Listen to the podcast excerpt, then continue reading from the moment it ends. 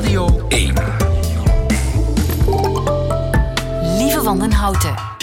Nieuwe feiten. Dag, dit is de Nieuwe Feiten podcast van dinsdag 3 september 2019. In het nieuws vandaag de holistische kapper. Michel van Koeverden, coiffeuse in Amsterdam, knipt energieblokkades uit uw haar. En bovendien leest ze uw persoonlijkheid en meet ze u een snit aan die bij u past. In mijn geval zou daar een flinke pruik voor nodig zijn, helaas. De andere nieuwe feiten vandaag. Boris Johnson zegt dat hij geen verkiezingen wil, maar meent hij dat wel? In Duitsland heet een bordeel een wellness-oase voor mannen, maar die legalisering heeft weinig goeds opgeleverd voor de sekswerkers. Mensen die voor een kinderloos bestaan kiezen, krijgen later geen spijt. En de Antwerpse elite las meer dan 300 jaar geleden al porno. De nieuwe feiten van Nico Dijkshoorn hoort u in zijn middagjournaal. Veel plezier.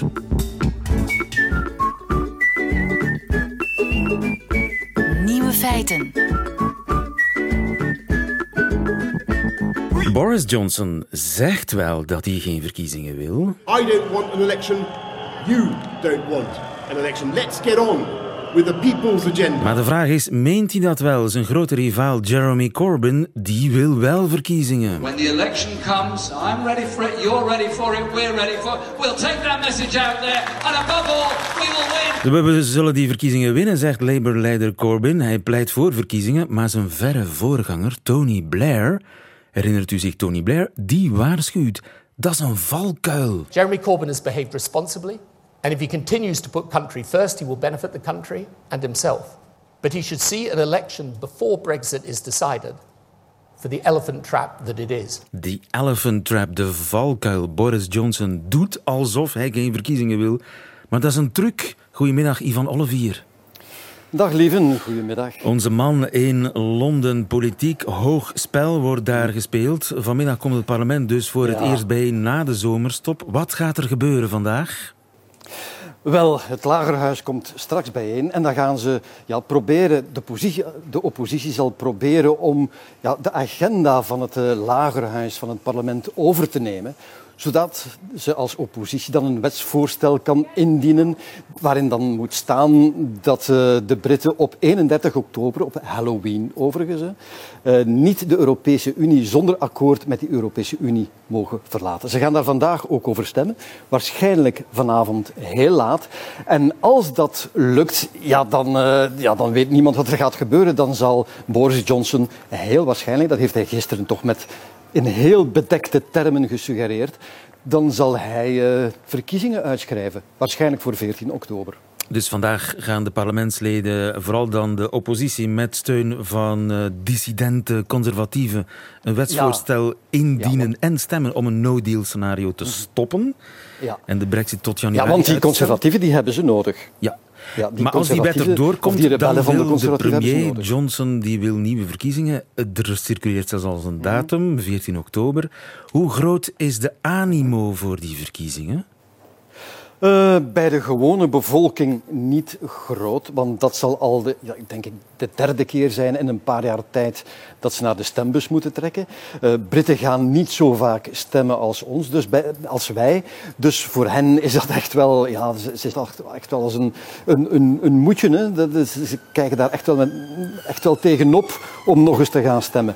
Bij de politiek, ja, Boris Johnson zegt nu wel dat hij geen nieuwe verkiezingen wil, maar Waarschijnlijk wil hij die wel, want zoals de peilingen er nu voor staan, zou hij die verkiezingen winnen. Dus hij mag zeggen wat hij wil. Hij mag zeggen van, u wil geen nieuwe verkiezingen, ik wil geen nieuwe verkiezingen. Maar eigenlijk is dat wel, ja, dat klopt niet.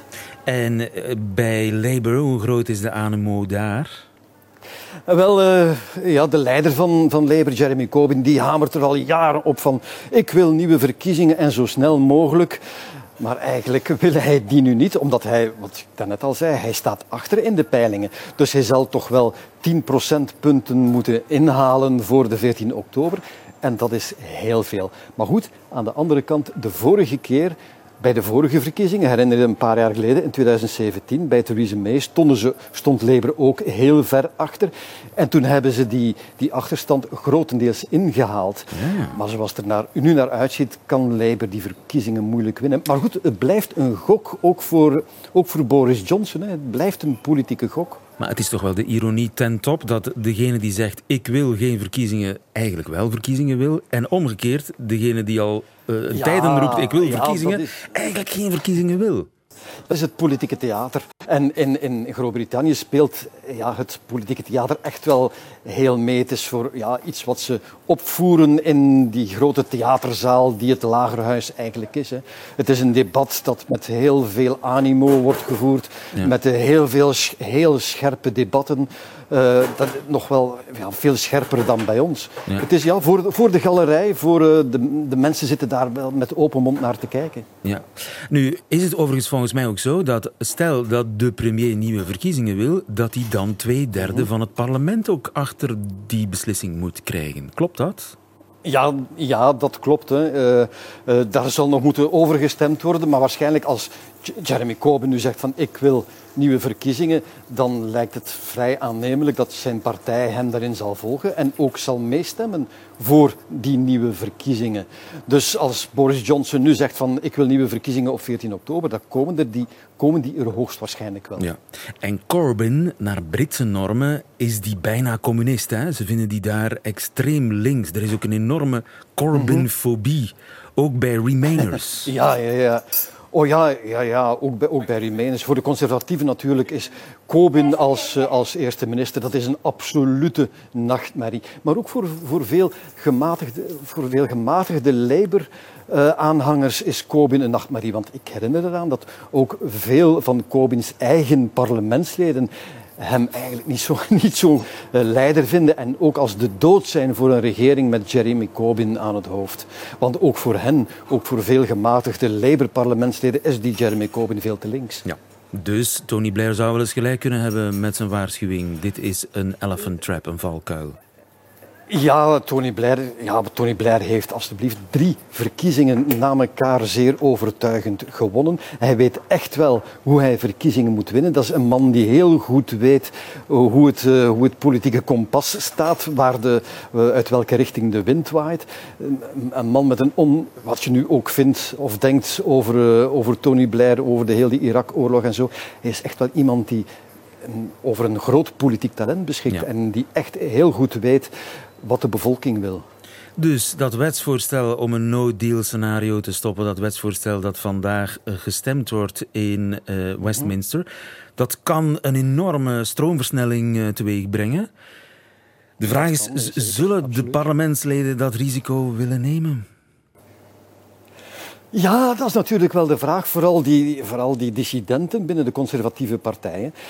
Eh, Boris Johnson heeft gezegd van kijk, als jullie meestemmen met de oppositie, dan vliegen jullie gewoon uit de partij. Nu, voor veel van die dissidenten is dat, ja, veel van die dissidenten zullen echt wel in stilte afvragen of dit nu de manier is waarop ze een, hun politieke carrière willen zien eindigen. Want voor velen zal dat inderdaad het einde zijn. Ik denk dat echt wel heel veel van die mensen op dit moment met een, ja, met een gewetensprobleem zitten en zich afvragen van, ja, moeten wij nu meestemmen met de oppositie, met die verderfelijke Jeremy Corbyn? Of moeten wij kiezen voor het zekere en onze partij en onze regering op de eerste plaats stellen? Ik denk dat veel zich zullen afvragen wat ze nu moeten doen. Het hangt af van, ja, er zijn er twintig die, die, die waarschijnlijk zullen meestemmen met de oppositie, waarschijnlijk, waarvan negen nog wat te twijfelen zijn. Het kan echt wel op die negen afkomen, aankomen, of, ze, of ze het vanavond halen of niet. Eh, Shakespeare zou jaloers zijn op eh, politiek theater op hoog niveau dat Och, ja. op dit moment gespeeld wordt in Londen. ja, er, vlo- er vloeit net geen bloed. Dat kan nog komen, wie weet. Dankjewel, Ivan Olivier. Hou ons op de hoogte. Goedemiddag. Nieuwe feiten. In Duitsland zeg je niet bordeel, maar wel wellness-oase voor mannen. Dat is een liberale houding die van smoezelige hoerenkasten keurige bedrijven moest maken. Waar geen sprake kan zijn van dwang en slavernij. Die politiek loopt al ruim 15 jaar, maar nu blijkt dat die niet zo werkt. Stef Adriaansens, goedemiddag. Goedemiddag, U bent economisch socioloog aan de Universiteit van Leuven. dat klopt. Is in Duitsland een bordeel een normaal bedrijf, zoiets als een zonnebankcentrum of een indoor paintballterrein? Wel, uh, normaal tot op zekere hoogte. Dus uh, in tegenstelling tot België is het toegelaten om, om een onderneming op te richten die zich bezighoudt met het verkopen van seks. Dus in die zin is het normaal. Uh, maar ik denk dat Duitsers niet zo anders zijn dan België, dat natuurlijk de wetgeving en de publieke opinie prostitutie nog altijd beschouwt als iets aparts. de wetgeving legt ook een aantal strenge eisen op. Ik weet niet of die altijd worden uh, afgedwongen, maar ze zijn wel juridisch uh, opgelegd, alleszins. Ja, maar de bedoeling was om tot een soort van uh, nette prostitutie te komen, een eerlijke prostitutie in een soort van edelbordelen waar vrouwen werken die uh, zelfbewuste freelancers zijn, absoluut niet ja. onder dwang, die goed uh, omringd worden, die goede gezondheidszorg kunnen genieten, in alle hygiëne en veiligheid kunnen werken. Dat was de bedoeling van ja, een wet uit 2002, dacht ik al, hè? Dat klopt. Dus in 2002 is eigenlijk uh, voor het eerst uh, prostitutie quasi volledig gelegaliseerd. Um, in 2016 is die wet volgens tegenstanders van de wijziging enigszins uh, teruggeschroefd. Alleszins zijn de controles sterker geworden. Maar op zich is prostitutie legaal. Dus in die zin um, zijn de ambities die u net um, citeert inderdaad uitgesproken bij de legalisering van de wet. Of dat gebeurd is, is een andere vraag. En, en ja, maar dat is zelfs zeer twijfelachtig, hè? want is de, ja. de maffia en de dwang en het geweld en de misdaad uit de seksindustrie verdwenen in Duitsland? Uh, dat is een gemakkelijke vraag. Nee, hè. Uh, nergens ter wereld, ongeacht het juridisch statuut, uh, is dwang en, um, en, en, georganiseerde criminaliteit verdwenen uit de sekssector. Hè. We weten dat dat uh, bestaat. de vraag is of de wetgeving dat aangevuurd heeft of gereduceerd, hè, zoals de ambitie was. en dat is niet helemaal duidelijk. Het zou, kunnen, maar het zou kunnen dat het omgekeerde is gebeurd. Wel, sommigen zeggen dat dat zo is. Uh, daar is niet zo heel veel bewijs voor. Uh, maar dat het niet verdwenen is, dat is heel duidelijk. Hè? Dus uh, de effecten van die legalisering op het uitroeien van, van laten we zeggen, de schaduwkanten van prostitutie, op zijn minst, hè, ehm, zijn niet zo duidelijk. Ehm, maar inderdaad, een aantal mensen beweren dat dit eigenlijk mogelijkheden heeft geschapen voor, voor, voor meer uitbuiting en meer problemen. Ja, dat juist de onderwereld een dekmantel gevonden heeft om zogenaamd in alle transparantie en legaliteit gewoon door te gaan ja. met mensenhandel en vrouwen dwingen. Want er is zo'n Jurgen Rutloff, geloof ik, een heel bekende, ja. ja. hoe moet je hem noemen? Ondernemer slash pooier soort bekende Duitser die uh, inderdaad uh, uh, heel zichtbaar was in de pers en, en dus inderdaad een ondernemer was met, met grote bordelen. Een van de typische dingen aan Duitsland, misschien eerder omwille van wat Duitsland is dan de wetgeving, is dat zij inderdaad van die hele grote bordelen hebben. Ook een aantal vrij typische ehm, situaties, hè, zogenaamde laufhaus hebben zij, inloophuizen zou je kunnen zeggen. Inloophuizen. Um, ja, uh, uh, plekken waar heel veel uh, individuele prostituees en, of, of, sekswerkers een kamer huren. Je hebt ook flatrate bordellen, waar inderdaad mensen een vaste prijs betalen en dan kunnen eten, drinken en, en, ehm, en ehm, proberen um, iemand te kiezen hè, als klant en omgekeerd um, uh, sekswerkers die daar hun uh, waren of hun, hun, hun, diensten verkopen. Ja. Um, die zijn vaak heel groot. Hè. We hebben die hele grote bordelen, die zijn heel typisch voor Duitsland, vrij uitzonderlijk. En een aantal tegenstanders, ook voorstanders van legalisering, zijn overtuigd dat dit uh, gemakkelijker misbruik zou kunnen doen brullen. En daar lijkt het nu ook op. Ja, want daar werken ook... dames onder dwang. Wel, uh, nu is uh, één uh, van die ondernemers is veroordeeld. Dat zegt natuurlijk niet noodzakelijk heel veel over de hele markt, maar het is heel duidelijk dat op zijn minst eh, de controle niet waterdicht is. Dat kan je toch wel zeggen. Ja, maar is dit nu een mislukking van de legaliseringspolitiek? Ja, van de hele.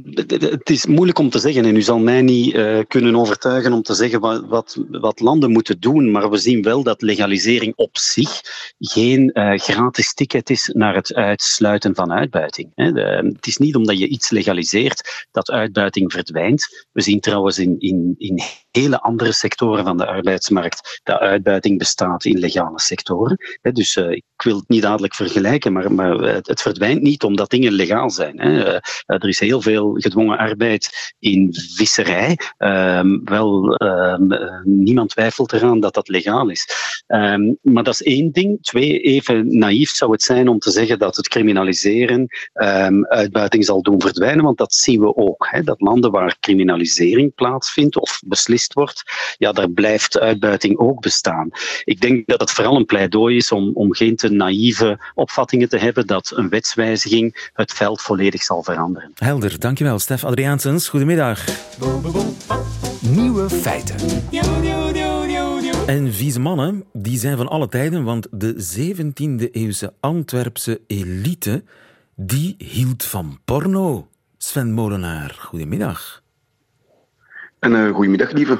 Sven, jij schreef, jij schreef een doctoraat over het mengelmoes. Wat is het mengelmoes? Het Mengelmoes is een uh, verzamelhandschrift dat zich uh, bevindt in uh, de erfgoedbibliotheek Hendrik Onschanze in Antwerpen. dat dateert van 1696 en dat nogal wat schunnige en pornografische en libertijnse teksten bevat. 17e eeuwse porno, eigenlijk? ja, absoluut, ja. Ik wist niet eens dat dat bestond. En waar gingen die teksten dan over? Um, sommige van die teksten uh, zijn zeer expliciet um, en uh, gebruiken zeer expliciete taal over uh, seks en seksuele daden en handelingen. Andere gebruiken meer metaforen en kunnen ook lachwekkend bedoeld zijn geweest. Ja, ja. En lees eens iets voor. Um, een zinnetje. Een zinnetje. ik nu lijk ik wel de vieze man. Nu lijk ik wel de vieze man natuurlijk. een klein beetje wel. Uh, eens even kijken wat ik voor me heb hoor. Ehm, dat is niet meteen iets. Uh, enfin, maar, ehm, maar waar, ging, waar gingen die teksten dan echt concreet over? Wel, ik kan dan een concreet voorbeeld geven over een uh, libertijnse tekst waarin een uh, gehuwde vrouw een minnaar heeft. En de schrijver kiest ervoor om, hoewel die minnaar welkom is bij zijn eh, eh, vriendin. Om toch een verkrachtingsscène in te lassen. Omdat dat een ander pornografisch effect sorteerde bij de lezer dan een gewone seksscène. Um, dus ja, dit is een voorbeeld van zeer expliciet seksueel materiaal, uiteraard. Ja, en pastoors kwamen er nogal in voor. Ook de kerk werd op de korrel genomen. Ehm, deze libertijns pornografische teksten hadden vooral als doel om de uh, maatschappelijke gevestigde orde te ondermijnen en uh, opvattingen over eer, reputatie en uh, huwelijk te kijk te stellen. En werden zij gedrukt? Nee, deze teksten konden nooit in druk verschijnen, omdat de censor, de kerkelijke censor, dit absoluut niet toeliet. En in tijden van oorlog keek ook de, werk, de wereldlijke censor mee. dus deze teksten werden niet gedrukt, die verschenen alleen uh, tenminste, ze verschenen niet. Uh, ze werden alleen in uh, handschriften verzameld en bewaard. En werden die overgepend? Ja, absoluut. Die werden overgepend. zulke teksten werden gedeeld. Um, en sommige daarvan, sommige leden van zulke kringen, hebben die dan gebundeld. En die bundels hebben overleefd. Want natuurlijk, we het over zeer broos materiaal, papier, dat de tijd niet heeft overleefd. Um, heel vaak is papier later trouwens ook gebruikt om nieuwe kaften te maken en dergelijke. Maar enkele verzamelhandschriften zijn zeer goed geconserveerd en die kunnen ons een beeld geven van wat er toen clandestien ook aan literatuur bestond. En werden die ergens klassikaal genuttigd of genoten? Of werd dat in stilte doorgegeven? En zaten mensen dat dan onder, onder een, een kaarslicht te lezen in bed? Um, zo zou ik het me niet voorstellen, al is het mogelijk. Uh, maar het ging er vooral over, uh, over het verspreiden van ideeën. Um, deze ideeën uh, ja, waren nieuw. kwamen eigenlijk overgewaaid vooral uit Frankrijk, hoewel er op dat ogenblik ook in de Republiek, de noordelijke Nederlanden, al een pornografische traditie in de literatuur was beginnen te ontstaan. maar voor de zuidelijke Nederlanden, vooral voor een goed begrip, dat is eigenlijk ruim genomen Vlaanderen en de provincie Namen en, en, en Henegouwen op dit ogenblik, Luik hoorde er niet bij, um, was dat tot nu toe niet bekend. Dus het was een soort anti-kerk-ding, anti-gezag-ding. Ja, de beide. Uh, daar ging het om. En ook uh, eigenlijk uh, merken we nu dat ongeveer 100 jaar voor de verlichting er dus al zeer nieuwe ideeën over eer en reputatie en vrijheid en seksuele vrijheid circuleerden zij het in beperkte kringen uh, in Antwerpen en bij uitbreiding in, uh, in de zuidelijke Nederlanden. En dat waren hoger opgeleide mensen, dat, waren niet, dat was niet het schorimori. Nee, eh, het voorbeeld van de tekst die, dat ik net gaf um, is een uit het Frans vertaalde tekst. Um, dus dat wil zeggen dat men op zijn minst Frans moest kunnen. Nu, dat was niet zo abnormaal in die periode. Uh, maar het mengelmoes dat ik heb onderzocht, uh, specifiek, bevat ook Italiaanse, Spaanse teksten, Latijnse teksten en een Duits lied. Ja. Dus dat moeten mensen zijn geweest die meertalig waren. En een andere tekst toont aan dat het om bemiddelde mensen moest gaan. Ja, ja. Ik stel me dan voor dat die in een soort geheime genootschappen ondergrond samenkomen. Uh, ja, inderdaad, het waren geheime kringen, omdat inderdaad ook uh, ja, waren prominente leden van de samenleving die er ook aan deelnamen. Uh, ook zij waren degene die toegang hadden tot dit soort literatuur vanuit het buitenland, dat dan clandestien overwaaide. Ehm, dus uh, de gewone mensen, om het zo te zeggen, uh, kwamen daar niet direct mee in contact. Maar dan via het lied en het contrafact, dat is uh, het schrijven van nieuwe teksten op bestaande melodieën, kregen die ideeën natuurlijk wel meer verspreiding onder de gewone mensen. Ja, het mengelmoes. Ik wil het wel eens lezen. Kan dat? Dat is uh, mogelijk. Uh, het is opvraagbaar in de erfgoedbibliotheek. Uh, het ding zelf, kan ik dat aanraken? Je mag dat aanraken uh, wanneer dat op een kussentje wordt gelegd, uh, er een uh, kraaltje tussen wordt gelegd en je propere handschoen aan. Ja, maar is het ergens ook online consulteerbaar? Ja, het is online consulteerbaar. de Erfgoedbibliotheek heeft gezorgd voor zeer mooie scans. Die kan je opzoeken via de UA-catalogus, de bibliotheek. En dan kan je het daar bekijken. Ga ik zeker eens doen. Dankjewel Sven Molenaars. Goedemiddag. Graag gedaan. Goedemiddag. Nieuwe feiten. Heeft u geen kinderen? Ja, dan bent u waarschijnlijk ergens in uw achterhoofd toch wel een beetje bang voor een eenzame oude dag. Wel, dat is nergens voor nodig, blijkt uit onderzoek van Hannelore Stegen. Goedemiddag, Hannelore. Goedemiddag. Jij bent onderzoekster uh, van de VUB. Tenminste, dit, je hebt een masterthesis. Dus eigenlijk gewoon uh, in, in ouderwetse termen een licentiaatsverhandeling heb jij geschreven over het onderwerp. Ja, dat klopt, inderdaad. Ja. En hoe heb je dat aangepakt? Heb jij kinderloze zestigers ondervraagd? Ja, dat klopt. Dus ik heb uh, interviews gedaan met een aantal bewust kinderloze 60-plussers. Um, ehm, en hoe oud waren die? Van 60 tot 85? Tot, ja, zoiets. 61 tot 84 was, was de leeftijdscategorie. Zo. Ja. En heb jij gepeild naar de angst voor de eenzame oude dag, aangezien ze geen kinderen hebben? Ja, dus inderdaad, dat kwam zeker wel aan bod. Uh, het feit of dat ze misschien eh, ook het feit van geen spijt hebben van hun keuze en zo, dat waren dingen die aan bod kwamen. En je zag toch inderdaad, sommigen geven aan dat ze misschien wat eenzaam zijn, maar spijt van hun keuze hebben ze absoluut niet. Dus en dat was wel mensen die echt bewust gekozen hebben om geen kinderen absoluut. te nemen. Dus, ah, ja. Klopt. Ja, ze hebben echt zelf uh, bewust de keuze gemaakt om geen kinderen te krijgen. Um, in, in zekere mate, er zijn verschillende manieren, de, allee, verschillende redenen eigenlijk die ze daarvoor aanhalen, maar alle respondenten waren effectief wel bewust kinderloos. Waarom kiezen mensen om geen kinderen te krijgen?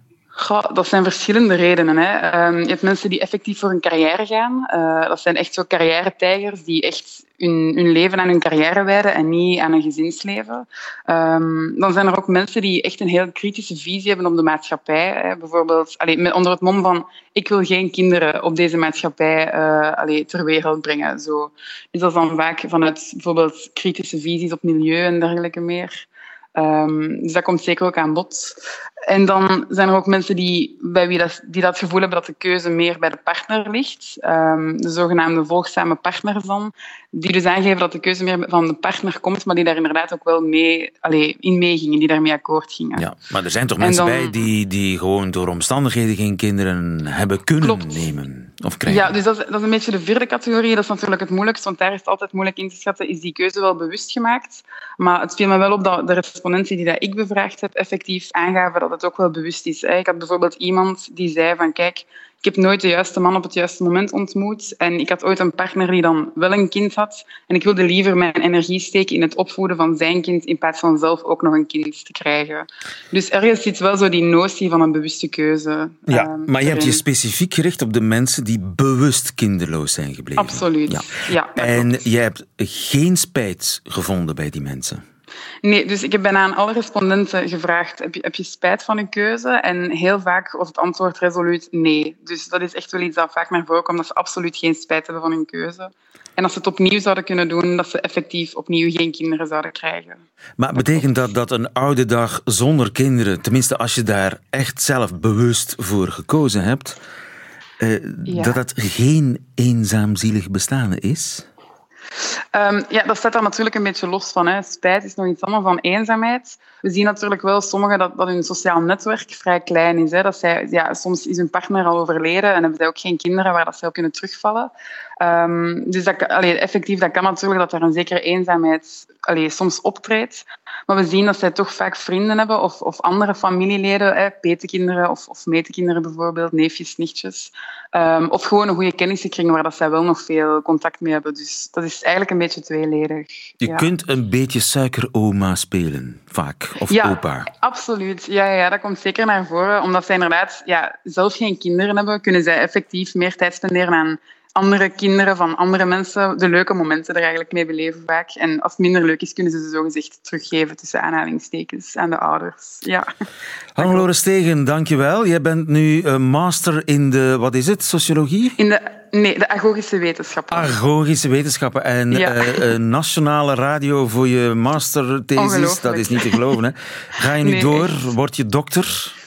Uh, wel, nu ga ik een jaartje als wetenschappelijk onderzoeker aan de VUB werken. Ah, voilà. en, dan, uh, en dan zien we wat er van komt. Dus het is echt een, een jaar om te leren eigenlijk. Ik ja, wens je heel absoluut. veel succes, Annelore. Dankjewel. Goedemiddag. Dankjewel. Bedankt. Dag. Nieuwe feiten.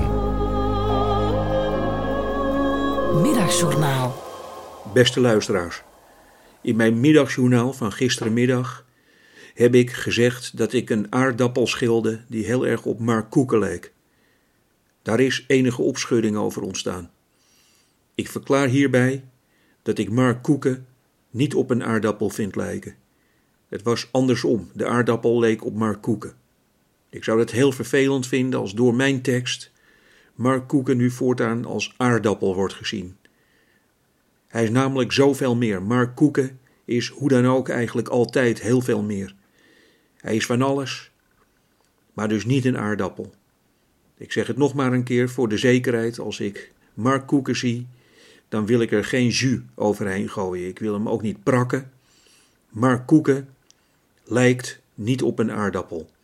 En nu ik toch bezig ben, Mark-Marie Huibrechts lijkt absoluut niet op een eendagskuiken waar mijn kat mee aan het spelen is.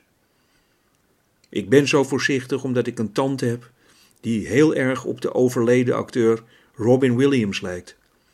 Ik schrok altijd als ze bij mij op visite kwam. Mijn tante die zat verhalen te vertellen over het braden van gehakt en het knippen van een heg. Maar dat geluid kwam allemaal uit de mond van Robin Williams. En ik vond het heel lastig. Probeert u zich dat maar eens voor te stellen, luisteraars. Als uw groenteboer het evenbeeld is van Mick Jagger. Dat is tragisch. De echte Mick Jagger dartelt over een podium en hij slaapt met vrouwen die voor 95% uit lingerie bestaan. En daar staat het evenbeeld, ergens in een buitenwijk van Beveren, een koolraap te verkopen. Maar mijn tante dus.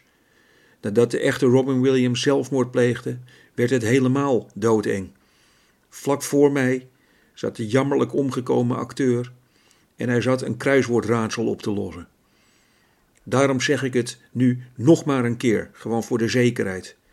Als ik hier gisteren de indruk heb gewekt dat Mark Koek op een aardappel lijkt, dan spijt mij dat. De aardappel leek op Mark Koeken. Leek heel erg op Mark Koeken. Helemaal precies met het ronde brilletje op. Maar het was hem dus niet. Het was een aardappel. De vreemdste aardappel die ik ooit heb gezien leek op Charles Aznavour. Maar dan heel specifiek uit de tijd dat hij in het Engels zong. Ik ken mensen die nog steeds denken dat Charles Aznavour zijn Engelstalige werk gewoon Frans was, maar dan tijdens een hersenbloeding. Ik heb die aardappel zo lang mogelijk proberen te bewaren. Maar na een week begon Charles Aznavour langzaam te veranderen in een rimpelige troll uit Game of Thrones. Ik heb Charles toen even kort gebakken in ganzenvet.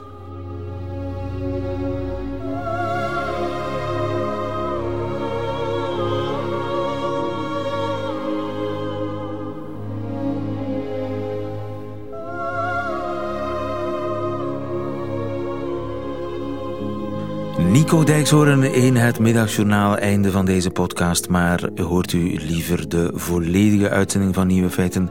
Dan kan met de app van Radio 1 of op onze site, waar u overigens nog veel meer podcasts vindt. Tot volgende keer.